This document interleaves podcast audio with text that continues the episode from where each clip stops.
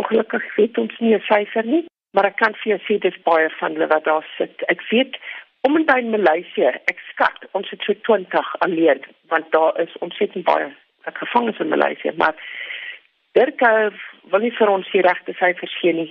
Hulle sê dis so oor die 600 hier by die 700 maar ons weet in 2009 het korrektiewe dienste gesê daar's 1049 maar ons weet die getal is baie baie meer Hoeveel van hulle gaan nou uiteindelik tereggestel word oor see?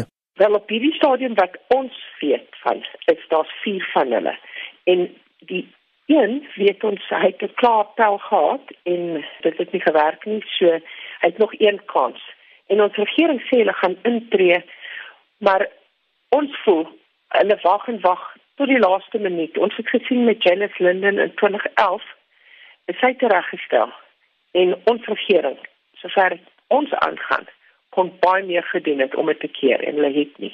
In watter lande spesifiek sit Suid-Afrikaners weens dwelmverwante misdade in die tronk? Dit is amper elke land in die wêreld sit ons mense. Omdat ons land nie ooreenkoms het nie en geen van ons mense kan terugkom nie, nee, veroorsaak dit dat hierdie dwelmbase en almal die vryheid van ons land om van hier af ons eie mense, Suid-Afrikaners te gebruik om hulle vuil werk te doen en hulle word glad nie aangeraak nie. Hoe balans Suid-Afrikaners in daai posisie?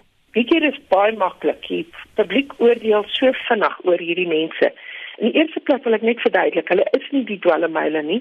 Hulle is die mense wat gerekruut word vir die rede om gevang te word in oorseese tronke want hulle moet iemand vang sodat die groot hoeveelhede dwelms kan deurgaan en dan tip ons van die korrupte polisie in ons land tip die ander liggawens af so wat gebeur is hierdie mense gaan uit dit kan enige plek wees ons het al gehoor van tot in 'n jeuggroep in 'n kerk maar is nie net daar nie, dis in pubs, dit is in skole, in sulke plekke waar hulle gerekruut word en hulle word basies 'n hele storie mooi vertel. Ons kan vir werk aanbied, ons het nog nie die wêreld gesien nie.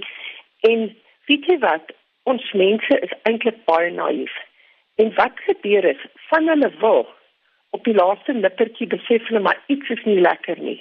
En sodra hulle dit doen, dan word hulle basies gedwing Hulle word gedreig met hulle families of hulle paspoorte word weggevat as hulle hulle al klaar uit die land uit gevat het. Ons het baie gevalle so dat hulle basies na Brazil toe gevat en gesê hulle gaan opleiding kry daar vir werk. En dan is hulle daar kom word hulle gesê gevat en gesê hulle moet nou die dwelms sluk of hulle dwelms vat en dan is hulle teen dit skop dan word hulle paspoorte weggevat en alles nê en hulle word gesê wel jy moet nou sorg om haar vliegkaartjie terug te betaal En daai mense het nie die geld om terug te gaan nie. Ons het gevalle waar 'n ou na die ambassade gegaan het en die ambassade gesmeek het om hom te help. En hy tot vandag toe het hy net verdwyn van die aarde af. En ons ambassade het net vir hom gesê sorry ons help jou nie. Ek sukkel om heeltemal te glo dat nie een Suid-Afrikaner oor see deeglik bewus is van wat met hom gebeur nie. Daar is van hulle wat presies weet.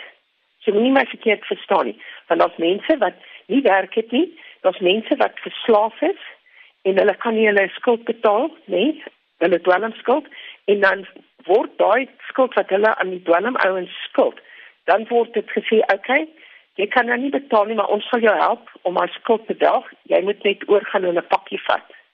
So, dis nie wat ek sê nie. Ek sê daar is mense wat nie heeltemal bewus is daarvan dat wat hulle in betrokke raak is 'n dwelmsaak, verstaan jy? Jy het ons eie regering gevra om te help dat die aanklagte van doodstraf teen die betrokke Suid-Afrikaners oor see eerder in lewenslange tronkstraf verander moet word. Wat sê die departement van internasionale betrekking en samewerking vir jou? Hulle reageer nie eens op ons briewe nie. Ek het nou 'n brief gekry, maar dit is nou al 2 maande terug dit gedateer, sien ek. Wat ek geskryf het ook aan Human Rights en hulle het gesê hulle sal daarna kyk en kyk vir wie hulle organisasie dit kan hanteer en so aan maar die regering sê self sal dit hanteer wanneer al die aktuele sake teen daai doodstraf nie geslaag het nie. Tot dan sal hulle wag. My punt is, jy kan nie wag totdat al die aktuele sake nie geslaag het nie, want dan is daar geen terugdraai nie. En die uiteinde, die dood. Ja, ons het nou net gister die nuus gekry van 'n Suid-Afrikaner wat nou op die doodstraf gekry het in Maleisië.